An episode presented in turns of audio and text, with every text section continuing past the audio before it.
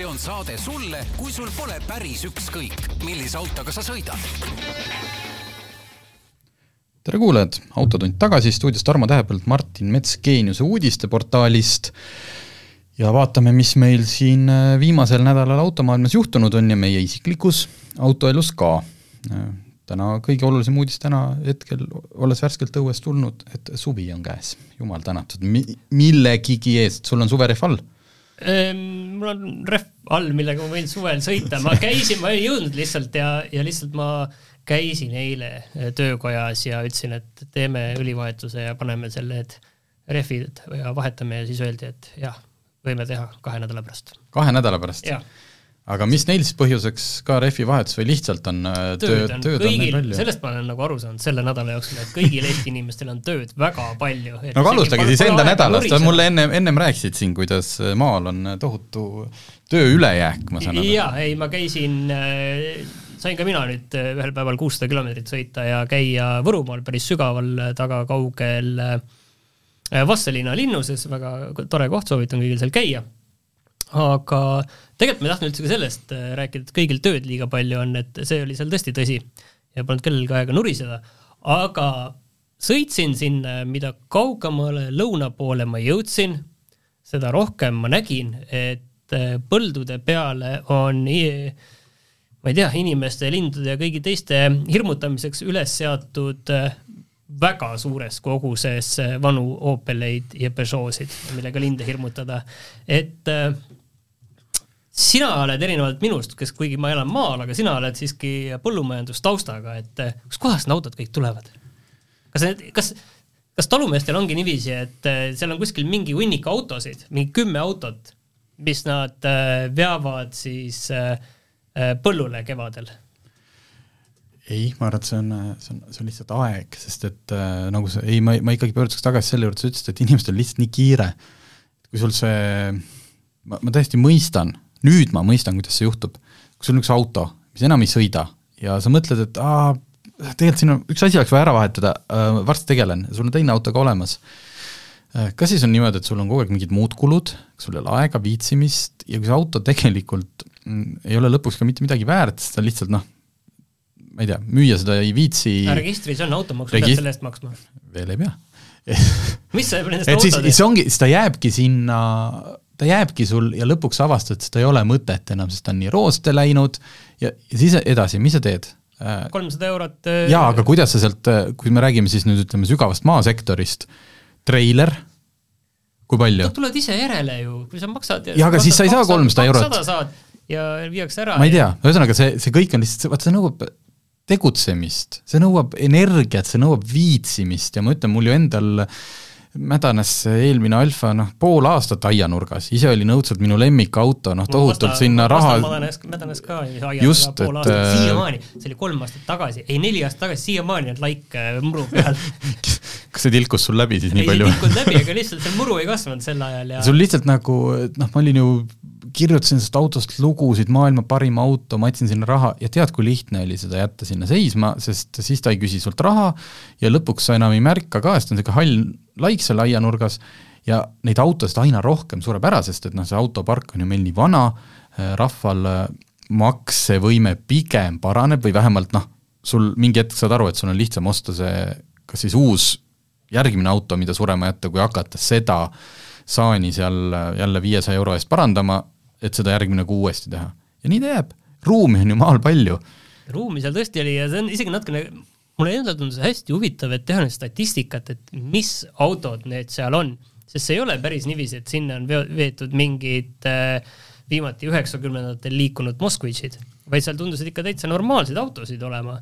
et äh, mis need autod on, millega siis äh, lindusid äh, hirmutatakse ja võib-olla, ma ei tea, metsloomi ikka ka kitsasid või, ma ei tea tegelikult. ütle sina, aga ühesõnaga statistikat ei... teha, sest sealt päris sealt selle mõnikord nii kaugel nad ja eriti uhke on vaadata, mingi pikalt kaugelt näed põldu kuskil, sa näed siin, noh, kilomeetrite kaupa näed, sa näed korraga nelja-viite autot kogu selle platsi peale ja lihtsalt tahaks teada, mis autod need on, lihtsalt mis, mudelid, seda statistikat selle kohta. ja, ja, ja kas see on hästi huvitav, aga sa kaugelt, noh, sa ei loe ära, mis auto see täpselt on. ja mina ikkagi vaatan äh, selle pilguga, kas nende seas ka mõni barn find ehk siis küünileid on, et mida see kohalik olla. vanamees võib-olla ei tea, et tal on äh, üheksakümnendate alguse võib-olla Golf kaks GTI kuusteist V, eks ju, aga tema ei tea sellest midagi, tema jaoks on see vana Golf. paljud autod nendest on ise sinna kohale sõitnud ja paljud on siis äh, viidud kohale. jah, aga selle automaksuga noh, küllap see ilmselt ka seal mingit korda hakkab looma ja siin Transpordiamet juba käivitas kampaania, et et võtke nüüd palun kõik ikkagi oma, oma autod arvelt maha, millega on muidugi üks probleem, et äh,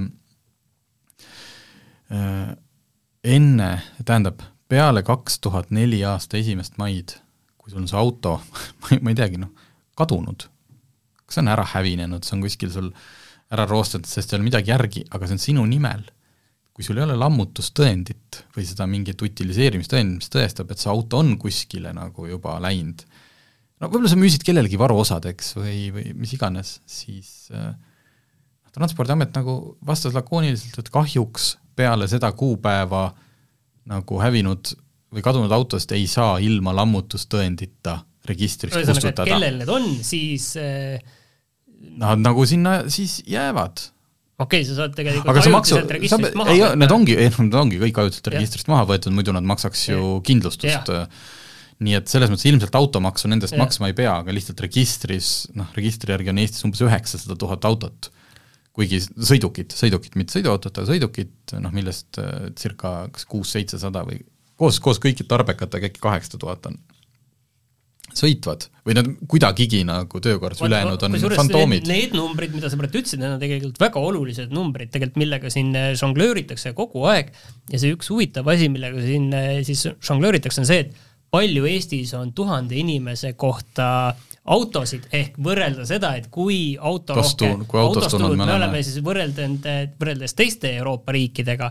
Ja ning siin see tulemus tulebki, on ju, et kui me võtame selle üheksasada nagu kõik need, mis kirjas on, siis me oleme seal kõvasti üle keskmise autostunud, aga kui me võtame selle reaalsema pool, see kuussada tuhat, võib-olla viissada, viissada kaheksakümmend tuhat sinnapoole siis me oleme tegelikult alla Euroopa keskmise autostunud riik, palju vähem autostunud riik kui äh, sellised rattariigid nagu Holland või Taani, et siin on tegelikult, selles on nagu suur vahe. ma, ikka nii loodan, et keegi ei tee seda statistikat üheksasaja tuhande sõiduki pealt, mille no, seas on ka mitmed, mitmed traktorid ja no kaheksasaja tuhande pealt tehakse aga noh, tegelikult sellel on tegelikult suur vahe, et see Eesti see register, et kui midagi automaksus nagu üldse võib-olla head on, siis võib-olla see, et selle registri võiks küll nagu igatpidi korda saada ja siis võiks tegeleda tõesti ka nende fantoomautode ja kõigi nendega ka, et noh, see kaheksasada, üheksasada tuhat, see on täielik äh, ulme ju, mis minu arust on nagu riik, kui riik tahab seda registrit tõesti puhtaks saada, siis vastus, et pea, kahjuks peale kahe tuhande neljanda aasta esimest maid hävinenud nagu autod, noh, kui sul ei ole tõendit anda, me kustutada ei saa, et nagu noh, mis, noh siis ei saagi. et see, me ei saa, et riik saab seal midagi teha mitte inimene. kui inimesele öeldakse, et see ei ole võimalik, siis see ei ole võimalik. aga, aga enne seda vane, nagu hävinud autode puhul ma ei tea, kuidas seda siis tõestada, ühesõnaga, äh, neid romusid on, aga see kõlab peaaegu nagu me oleksime selle saate stsenaariumi valmis kirjutanud, sest et jube sujuvalt ma saan minna siin oma nädala sündmuseni, mis mulle värvikalt meelde jäi ja sobib ülihästi teemasse.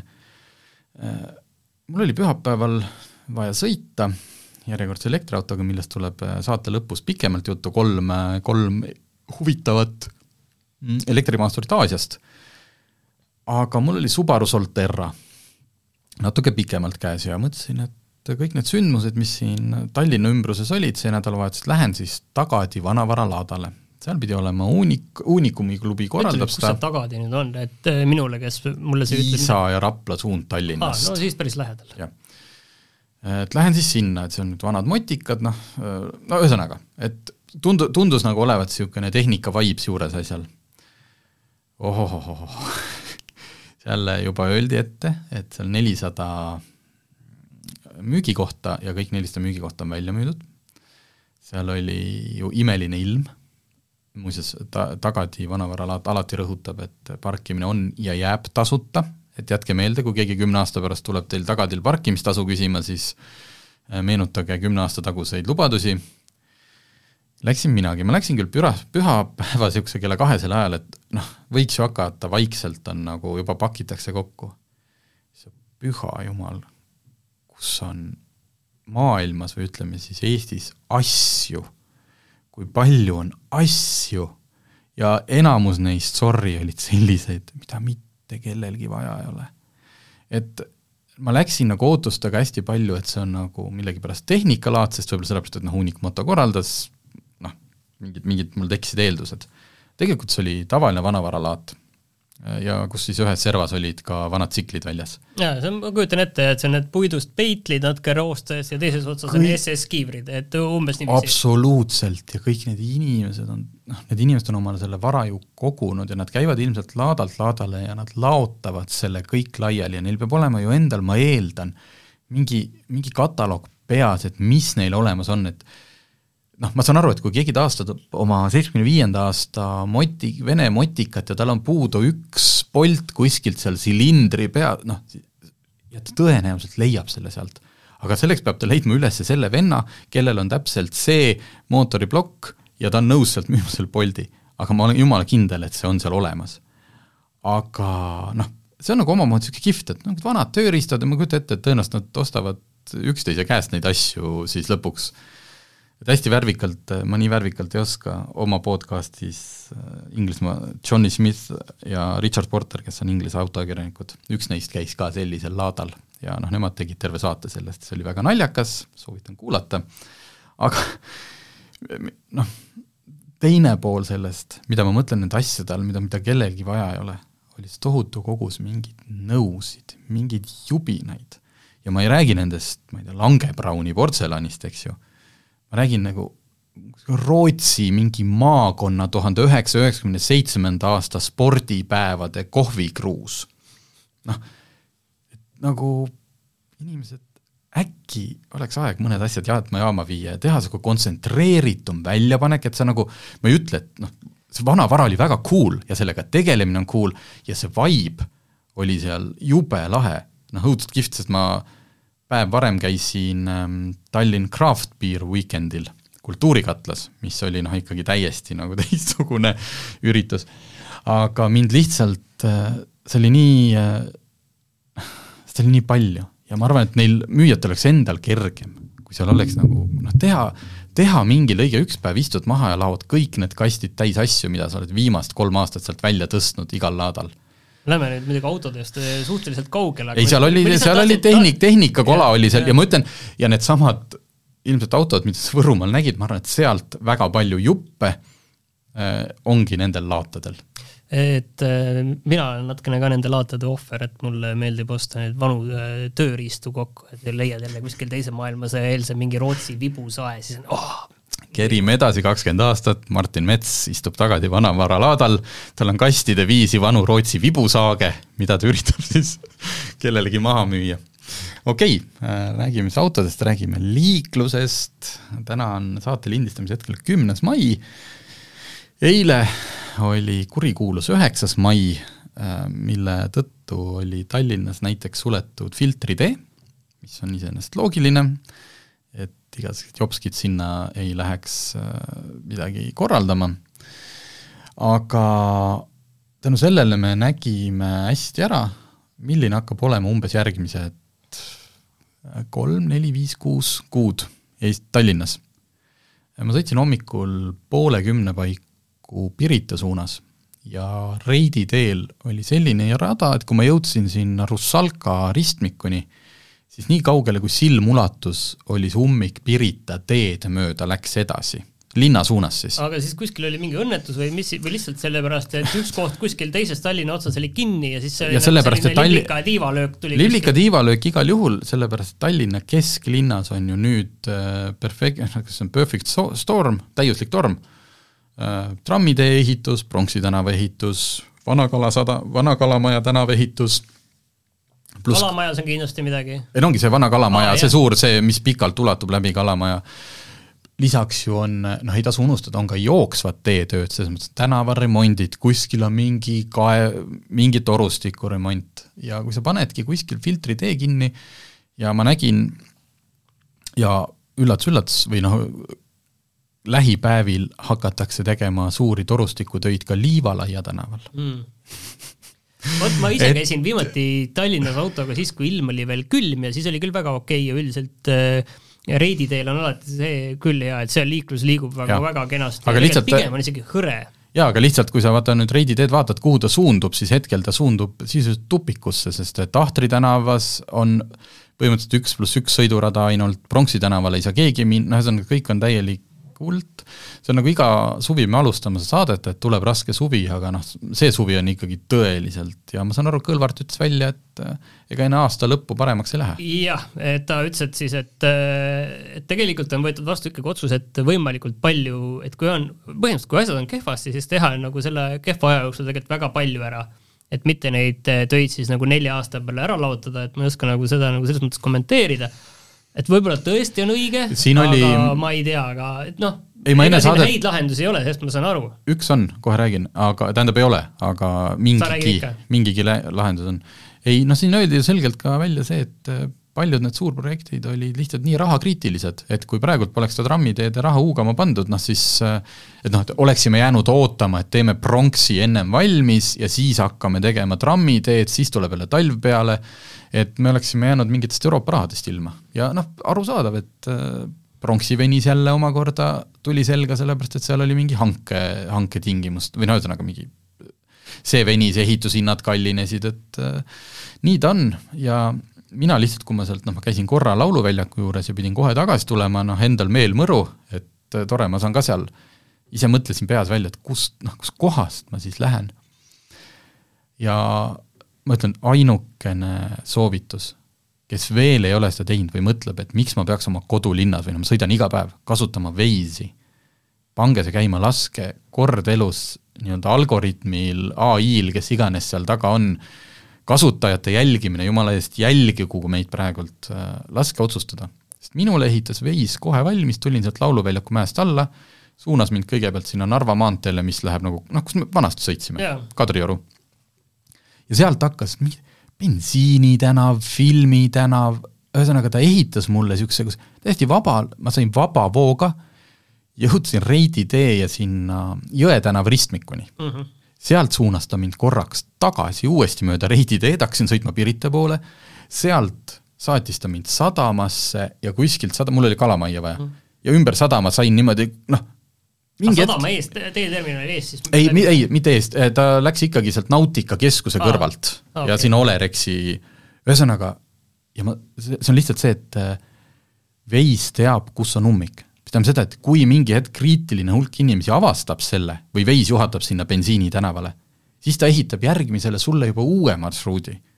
et see on nagu, noh, see on nagu ideaalne liiklusjuhtimissüsteem, nii ideaalne, kui olla saab noh, ta ei ole perfektne, kindlasti mingi hetk sa istud ka ummikus või ta leiab ikkagi mingi tänava, kus tegelikult on mingi Vasja just pannud keelumärgi üles ja labida maasse löönud, aga kindlasti parem kui see, et ma ise nagu tean või et ma sõidan vana mootori järgi, et noh, kuule, Reidi teel on alati saanud ja palju õnne, ma nägin Facebookis, võib-olla inimesed natuke utreerivad, aga noh, põhimõtteliselt poolteist tundi sõideti Reidi teelt kesklinna, et veis veis, veis. ja kui see liiklushullus on lahenenud, kustutage jälle ära, siis äh, kes, kes veisi kaudu jälgib? mitte Bezos, vaid kes, kes on need Google'i? jah. keegi teid ikkagi jälgib, kui teile see ei meeldi, siis kustutage pärast aga ära. sellepärast nüüd ei tasu muretseda, et äh, Tallinna kesklinnas autod otsa saaksid, sellepärast et Bolt ütles, et äh, praegu neil on Balti riikide peale kokku kaks tuhat rendiautot, räägime nüüd siis rendiautodest, mitte taksodest et eh, õige pea on neid kokku kuus tuhat, ehk siis eh, number kolmekordistub, et me ei tea, palju neid täpselt nüüd Tallinnas või üldse Eestis on mm. -hmm. aga ütleme, et siis laias laastus eh, kolmekordistub see number, et see nüüd ei juhtu nagu kohe ja üleöö, aga niiviisi aga aega me, mööda. aga me seda ise näeme, seda hästi on näha, kuidas kas Bolt käib nagu mingeid uusi sutsakaid nii-öelda öösiti istutamas, ma nägin pühapäeval jälle, kui ma Tagadisse sõitsin nägin, et Kalamajja enda niisuguse lühikese marsruudi peale oli tekkinud neli uut Audi A4-ja, millel ei ole seda suurt kirja ukse peal, vaid niisugune taga, see on see nii-öelda see premium klass, kus on sul väike kiri taga pagasi, pagasiluugi peal. ja no ei usu mina, et täpselt neli inimest eile õhtul saabusid Bolt Drive'i autoga Kalamajja, et need ikkagi sinna olid öösel toodud värskelt Läti numbritega, aga noh, selles mõttes jäävad Eestisse sõitma. Nüüd on see, mul toimetuses tekkis ka jälle arutelu, et iga kord, kui see teade tuleb, et et Bolti enda selline turundusjutt on ju see, et et vähem autosid, see, et me toome autosid juurde, tähendab tegelikult vähem autosid, sellepärast et inimesed siis ei osta seda teist autot, nad ei tule võib-olla kesklinna enda autoga, kui neil on vaja sõita, võtavad rendika, nii, nii, nii ja naa, on ju, et kokkuvõttes, et see tähendab nagu äh, ikkagi nagu vähem autosid, et nad autosid juurde toovad, et seda on nagu väga keeruline nagu ühte või teistpidi nagu kontrollida või isegi ütleme niiviisi, et äh, nagu sellist tunnetuslikku nii kiiresti, jaa, see ei et see on nii keeruline, peale selle see ongi nagu hästi pikk protsess, isegi kui see kõik toimub ja. niiviisi, et inimesed ei osta teist autot, siis äh, noh, see on ikka aastate-aastate pikkune protsess, on ju, et igal inimesel ongi see, ütleme keskmisel inimesel ikkagi ütleme liisinguperioodi pikkune auto, et äh, auto selline ostutsükkel, ütleme viis aastat, on ju, et see, see on pikk aeg, et seda yeah. ükskõik, isegi kui need muudatused on olemas, et ütleme, mina tean jah inimesi, kes, kellel ei olegi enam autot aga need on ikkagi sellist paar sellist üksikut, aga samas ega noh, enda tutvusringkonnas, et kui suur see valim peab olema, ma ei oska öelda, et see oleks nagu märkimisväärne. ma mõtlen, kas Tallinna linnal on mingi hoob või nagu mingi punane joon, me oleme seda küsinud, veel pole vastust saanud, noh, üks punane joon, mille nad saavad tõmmata, on küll see, et nad ju praegult lubavad nendel lühirendiautodel, Citybil, Boltil, parkida kesklinna tasulises piir, piirkonnas tasuta. et noh, sealt saab kindlasti nagu mingi joon ette tõmmata, et sorry, et me enam ei luba, või et ma ei, ma ei kujuta ette, et ainult mingi premium-klassi autod saavad või vastupidi, ainult väike või ainult elektriautod. või väikeautod, eks ju. et äh, hetkel mulle õudselt see Bolt Drive'i teenus tegelikult meeldib ja Citybee, ma ise neid kasutan väga tihti, aga ma saan aru, et kui praegult neid on juba päris palju ja inimesed, noh, kes tõesti nagu oma parkimis, kellel ei ole parkimiskohta oma kodurajoonis, sa tuled koju ja sinu nagu maja ees või kuskil sinu parkimiskohtade rida peal Bolti. on äh, rida Bolti või Citybee autosid, siis see, see on üks nendest olukordadest, et see on nagu jokk. Ei muidugi, see on, kõik on õige, aga lihtsalt, et nagu kas kuskil noh, toimub mingi niisugune moraalne nagu või noh, mingi organiseerimine, sest et tegelikult ju ma lugesin uudist, et äh, see Kaarli puiesteel on see suur parkla, see tennisväl- äh,, kas oli see mingi Laari kohvik või mis yeah, ko-, mingi kohvik. Wimbledoni jah, vahepeal oli see mingi poliitkohvik ka. Yeah.. et see parkla on näiteks nagu lühirendiautodele nüüd kuidagi nagu kas reserveeritud või mõe-, ah, ma arvan, et sinna saab jätta neid, sest et muidu on see südalinna piirkond. et muidu sinna ei saaks tasuta jätta, aga sinna vist saab. ma ei viitsi hakata siin praegu seda uudist üles otsima. et kas mingi hetk hakatakse neid autosid reguleerima nagu tõukse noh, nagu selles mõttes, et on, tekivadki mingid konkreetsed parkimiskohad, kuhu neid ainult võib jätta, mis mõnes mõttes kaotab ära nende noh, nagu sellise lõputu mugavuse. no aga ei, ma ei tea, kas see mugavus nagu peabki lõputu olema, selles mõttes absoluutselt, just, jaa. et linna peal on ütleme kümme, viisteist, kakskümmend kohta, kus need autod on olemas, siis see on ikkagi noh, Tallinn on ikkagi väike linn, et see on ikkagi suhteliselt hästi nagu ära kaetud, on ju, et sa ei pea, see rendiauto ei pea sul olema ka nagu iga kord nagu kõrvaltänavas nii et see on nüüd, äh, ma arvan, et see, see on varsti muutumas sama aktuaalseks probleemiks kui need tõuksid, mitte sellepärast, et nad ohtlikud, aga, aga just see, et kuhu nad pargivad, kelle arvelt ja kas see on ikkagi okei okay,, et ühel nagu erafirmad niimoodi põhimõtteliselt jah, mõtle selle peale, et kui näiteks kesklinnast parkimisõigus neile ära võetakse, siis on terve kalamaja sul neid täis. Mul on hoovimaja aga ei, ma saan aru, see ongi traagiline. nii, ja siis äh, üks kolmas teema siin veel enne meie elektrimaasturit oli huvitav tähelepanek, me vist, võib-olla me rääkisime sellest, mul läheb juba meelest ära, sest ma käisin ka vahepeal puhkusel, kas me rääkisime sellest, kuidas Eesti, Eesti kiirteed ei ole kiirteed? et äh, Eesti, see ütleme, Tallinn, Tartu, Narva, et ametlikus nii-öelda Euroopa mõistes, seaduslikus mõttes nad ei ole kiirteed Need on siis kaks pluss kaks. sada kakskümmend, äh, kus sa jah, see, kus on sada kakskümmend. okei okay,, noh vahet ei ole, kas ta on või ei ole, et äh, suva, et ma sõidan seal saja kahekümnega, mul pole oluline. kiire tee siis tegelikult ei tähenda, on ju seda, et see peab tingimata olema selline nagu Saksamaal, et kus sa võid sõita ükskõik piiramatult, vaid see on, see on konkreetne liigitus. ja see on suva täpselt selle hetkeni, kui me tahame oma tohutu digi- ja innovatiivse riigiga olla igas asjas eesrind, eesrindel, aga praeguse korralduse järgi näiteks isejuhtivate autodega me seda olla ei saaks. vähemalt paljud autotootjad on oma autodel lisandunud veel juhiabisid, mis aitavad sul näiteks noh, ainult vajutad suunatuld, hakkab ise mööda mine-, kas seda kõike on vaja, ei ole vahet, selles mõttes see ei ole hetkel teema, või see, et näiteks, et kas äh, mingid juhiabid toimivad ka suurematel kiirustel ja kõik see. aga paljud võtavad lihtsalt oma navi järgi, kas see on ametlikult kiirtee ja siis saad sa selle funktsiooni alles aktiveerida.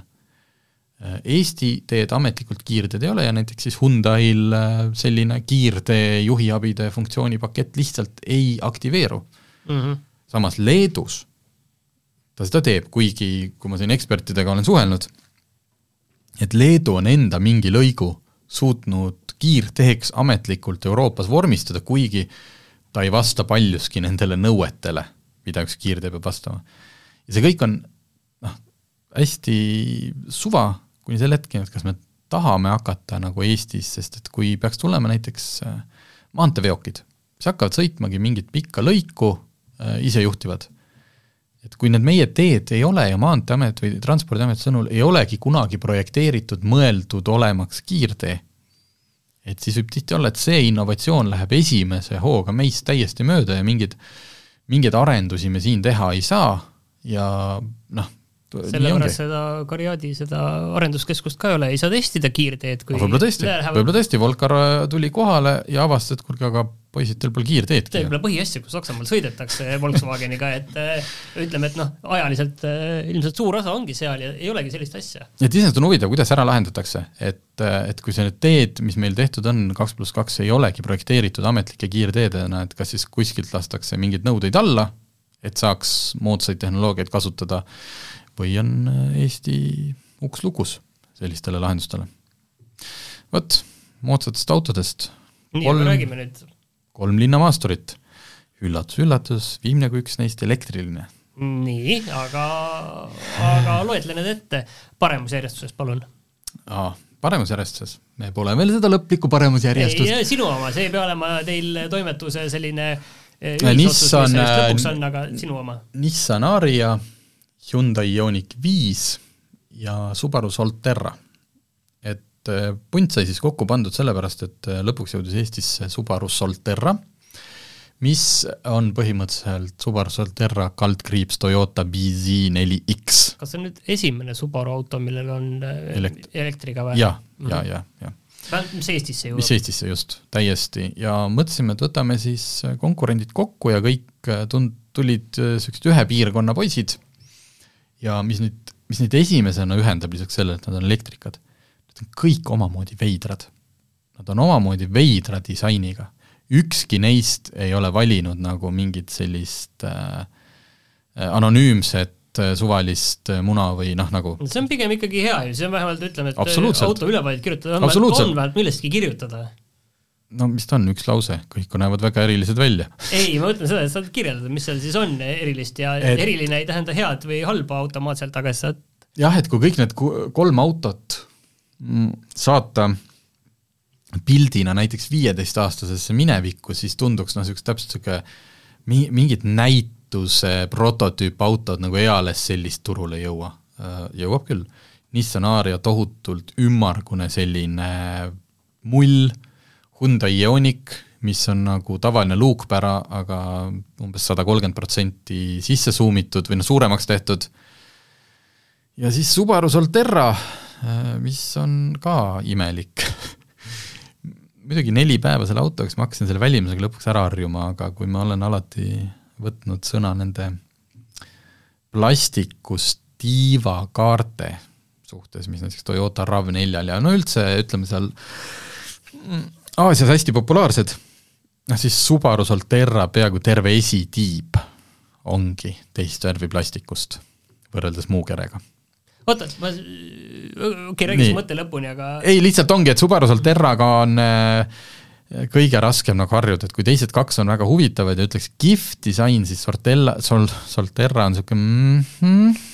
päikesemaa. päikesemaa, Sol ja Terra, et kindlasti mitte igav disain, aga ma, mul on plaan muuseas, ma võtan ühe selle Subaru pildi, mis ma tegin ise ja proovin ta läbi lasta ühest nendest ai Make it right või? kas niisugune on ka või? kindlasti. ei, ma mõtlesin, et pigem, et laseks, et tee ta lihtsalt make it red nagu one, nagu red või noh, annaks talle mingi prompti ette, et ta seda see prompt, prompt on, et fix it. Fix it, jah, fix this design. aga igal juhul välimuselt kõik väga huvitavad. sul oli küsimus? hinna kohta tahtsin teada, et kui sa nüüd, kuidas need hinna kohta ja. nüüd jaotuvad? hinna kohta, noh, nagu ikka, tahad panna kokku ideaalset testikolmikut, lõpuks saad aru, et natuke läks ikkagi viltu selles mõttes, et Ioniq viis, ta on küll, ma ei ütle vana auto, paar aastat vana, aga sellest tuli nüüd natuke uuem versioon, suurem aku, äh, muudetud tagavedrustus, aga kahjuks Ioniq viie saime testida tagaveolisena. Äh, Solterra ja Aria nelikveolised. Äh, Ioniq tagaveolisena algab viiekümne kolmest tuhandest eurost ja sa-, sealtsamast hakkab ka Solterra. Solterra maksimumhind on, aga aga Solterra on siis juba nelikveoline, Solterra on kogu aeg nii, tal ei olegi ühe silla vedu. Äh, Solterra saabki maksimaalselt, selle eest saab maksta viiskümmend seitse tuhat, siis on sul olemas kõik panoraamkatus ja vist oli Harman Kardoni heli ja kõik, et maksimum viiskümmend seitse. Ioniq viis nelikveolisena tippvarustuses on kuuskümmend viis tuhat eurot. nii et selles mõttes on seal äh, Solterra ja Ioniqu hinnavahe on kaheksa tuhat, kui ma, kui me võtame maksimaalsed mudelid. ja Nissan Aria E4 Orce ma, jah, ma vangutasin pead, ma saan aru, et seda nüüd kuulajad ei näe, aga aga see on kindlasti stardib, nelikveoline stardib kuuekümne kolmest tuhandest nii kallis, ma sain aru, et aga on nagu tal on ka suure, tal on ka teistest palju suurem aku. ühesõnaga suhteliselt kallid autod? jaa, ikka, aga ütleme, kui me võtame automaksu luksusautode klassi kuuskümmend tuhat ilma käibeta, siis äh, kõik mahuvad sisse. no luksus on tähendab, tähendab, ükski neist ei ole veel luksusauto. no luksusauto ongi ikkagi päris selline selline top viis protsenti asju on luksus, et see on selline lihtsalt kallis. et äh, jah aga Aria, Aria kahe veo, ühe silla veoline suure akuga versioon on viiskümmend seitse tuhat. nii et me räägime viiskümmend kaks kuni seitsekümmend tuhat autodest äh,. akud kõigil vähemalt äh, üle, tähendab kõigil üle neljasaja kilomeetri sõiduulatust Nissanil isegi pigem üle viiesaja ja ka Hyundai tegelikult tõenäoliselt sõidab ideaaloludes, väidetavalt linnas isegi seitsesada kümme. me ei ole seda kunagi proovinud, ma arvan, et meil ei oleks selliseks testiks nii palju aegagi, et sõita võib-olla peaks sellega taksot sõitma siis. nädal, jah, linna, vaadata jah, just. et äh, akud siis vastavalt seitsekümmend üks kilovatt-tundi Subaru, äh, Hyundai seitsekümmend seitse ja Nissan kaheksakümmend seitse kilovatt-tundi et said nüüd kõik numbrid ära öeldud.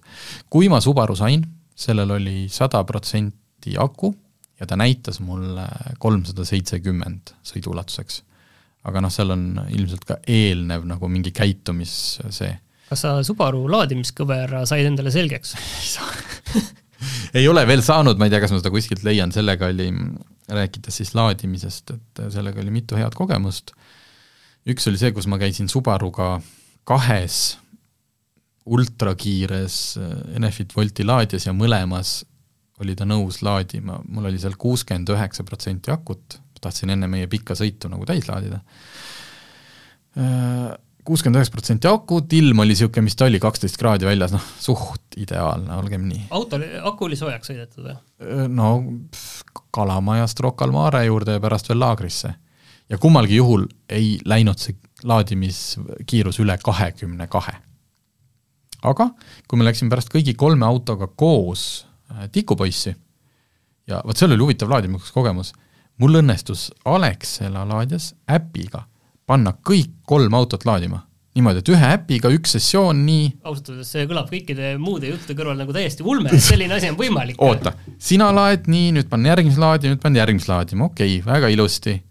Kõik põrutasid seal kuskil, sada said korraks kätte kõik aga Hyundai noh, peaks ju saama maksimaalselt seal üle kahesaja kindlasti. ma lihtsalt aga... vahele ütlen ühe asja ära, et kas see vastab tõele, selline kuulujutt, linnalegend, et äh, ühel kütusetanklal kuskil pidi olema äh, elektriautode laadija, kus saab kaardiga maksta. kuule, terminal, terminal oil oli avanud kuskil, äh, vist on see, mis see Musta kivi seal äh, Lasnamäe lõpus. see on innovatsioon. seda peaks minema kohe testima suurema grupiga, seda peaks minema vaatama. et sellist ilmaimet. tegema, teeme järgmise live podcast'i, teeme siis otse sündmuskohalt, kus me laeme pangakaardiga elektriautot. see on ajalooline, ilma, tegelikult ilma naljata, et see on hea, et äh, ots tehti lahti. aga kõik kolm autot ilusti laadisid, olime seal täitsa hämmeldunud, aga siis ma vaatasin, oota, ma võtan korraks selle Subaru, mille ma panin esimese laadima, ma võtan ta küljest ära, panen, seal on ju hästi palju laadijaid, panen teise külge, et saaksime autot kõrvuti ja saaks pilti teha. sest seal oli muidu, seal oli muidu üks auto, tühja, tühja auto koht oli vahel. ja kõik läks, tähendab, selles mõttes kõik ei läinud katki, aga katkestasin ühe laadimissessiooni, katkesid kõik kolm ja seda uuesti korrata mul ei õnnestunud, et panna kõik kolm ühe sellega. pidime nad kõik lahti. liiga hea juba, kõik kõlas liiga hästi ühesõnaga, see oli naljakas, aga laetud sai ja kõik said vähemalt äh, korraks sada kilovatt-tundi selle sada kilovatti võimsuse aga ma tulen tagasi kätte. korra selle peale, et kui sa seda kakskümmend kaks said kätte, et seal oli kuuskümmend üheksa protsenti, et eh, mille taha siis jäi, et ma saan aru, et ma tean, mulle, ma tean ja vabandust, Enefit Bolt, ma tean, et tegelikult mul on alati, kui meil on siin saates käinud, öeldud helistad, helista sinna kliendi tukke, et selgitan, vaatame, mul ei olnud sellel hetkel aega. mul lihtsalt oli nagu jälle viimasel hetkel, ma pidin juba minema kokku saama oma kolleegidega, pidime testi alustama, et eh, võib-olla oli asi autos, võib-olla oli laadijas, ma ei tea. aga autodest, mis neid siis ühendab? Kõik on niisugused äh, linnamaasturid, aga Subaru ilmselgelt nendest ikkagi äh, natukene grammi võrra maasturina üle, äh, clearance väga hea, kõik see nelikveosüsteem on, põhimõtteliselt toimib sarnaselt nagu teistes Subarutes on seal see X-Drive'i süsteem, ühesõnaga, mõeldud, mõeldud rohkem maastikule, võib-olla sellepärast ta nii robustne ka välja näeb. aga tagaistmel kõigil meeletult ruumi Subaru tundus nagu visuaalselt teistest natuke väiksem, aga no, noh, laiutad lihtsalt niimoodi, et täitsa hullumaja, et sa noh, jalgad ette võid panna veel ühe lennuki selle kohvri sulle sinna põlvede ette, kui nagu pagasi, pagasiruumi enam ei mahu uh,. Subarul on äh, veel üks, äh, veel üks kriitika. kuna see on Toyotaga kahasse ehitatud, põhimõtteliselt nad näevad peaaegu samasugused välja, ja Toyota valikusse tuleb ka see joke, joke, joke, no lennukitüür, nii-öelda yeah. seda tüüpi rool, mis tähendab seda, et näidikute plokk sinu ees on tegelikult disainitud sellise asukoha peale, nagu selle joke järgi, et sul ei noh vaatad üle niiviisi, mitte läbi? sa ei, mitte läbi, vaid noh, sul ei olegi seal midagi ees, sest rooliratast ei ole ees. aga kui sul on tavaline rool, siis jääb see näidikute plokile, noh, ei leia seda nagu head asendit. et näha selle üle või peaks ma rooli alt seda vaatama Äh, ja Subaru on vist sellest ise ka aru saanud, sest et mulle öeldi, et sügisel, sügisest alates tulevad need Solterra teistsuguse rooliga, millel on ülemine serv sile, noh nagu sirge. olemas, kui ma täna ostan ka, siis vahetatakse rool välja no vot, hea küsimus, pead nõudma. Et et Early adapteri sellised rõõmud. see paneb jälle imestama, et noh, kuskil on olnud mingeid tuhandeid disainikoosolekuid seal Subaru. aga keegi ei sõitnud? keegi, no see on, see on asi, mida sa kohe autosse istudes, noh, sa saad aru, hakkad istet paika sättima, oota, kas ma panen rooli, kuidas ma panen, noh, see ei ole asi, mis sul neljakümne tuhande pealt tuleb välja, et kuule, et siit hakkab mingit põlve kraapima mingi plastiktükk, vaid noh, see on asi, ma ei näe spidomeetrit. aga jah, ma olen nii palju sellest autost rääkinud, aga me peame otsa kokku tõmbama jah, kahjuks. et..., aga ma tahtsin ikkagi öelda, et äh, millise neist sa nüüd ostaksid, kui sul on see kuuskümmend tuhat ja sa pead ühed neist võtma, et millise sa võtad? ma tahaks võtta Nissan Ariat, aga ma vist pean võtma Hyundai Ioniqa, sest et Nissan Ariat ma no põhimõtteliselt jah, tegelikult saab, ma ikkagi võtaks Aria, sest et Aria interjöör on hetkel kõige lahedam ja interjöör on see, kus sa veedad kõige rohkem aega et sa, ma pean, Subaru oli äh, hästi palju füüsilisi nuppe, väga tore, aga ikkagi noh, ikkagi nii hall, kui hall seal oli, nagu kõik oli nii hall, lisaks äh, lisaks see Toyota ekraanisüsteem, ma ei leidnud sealt väga olulisi asju üle ja mu Android auto ei hakanud tööle millegipärast, ei kaabliga, tähendab ka kaabliga mitte. et Nissan Ari on nagu nendest kõige, kuidas ma ütlen, cool im komplekt ja niisugune aga see vist näitab ka, et sellepärast on ta ka natuke kallim.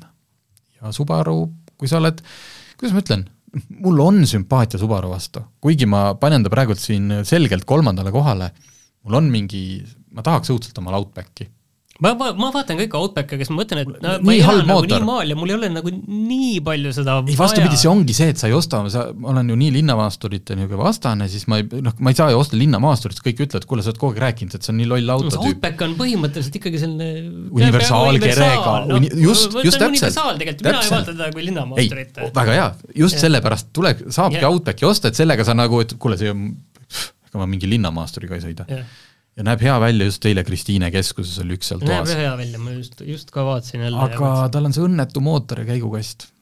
ja, ja nüüd oli nagu, kuidagi nagu selle Solterral oli võimalik see noh, nagu, nagu see viga ära parandada, et nüüd on nagu jõuallikas on nüüd nagu hea ja kõik, ja siis on nagu mingite muude asjadega, nüüd ta ei ole ilus enam, noh, nüüd ta on niisugune hall ja nüüd see tehnoloogia ja kogu see ekraan on natukene veel nagu niimoodi mm. et aga jah, maainimese elektriauto soodne kah, viiskümmend seitse tuhat ainult täisvarust, täisvarustuses Solterra, ma rõhutan teile. sõita üle neljasaja kilomeetri. vot nii, aga selline sai tänane saade ja aitäh, et kuulasite.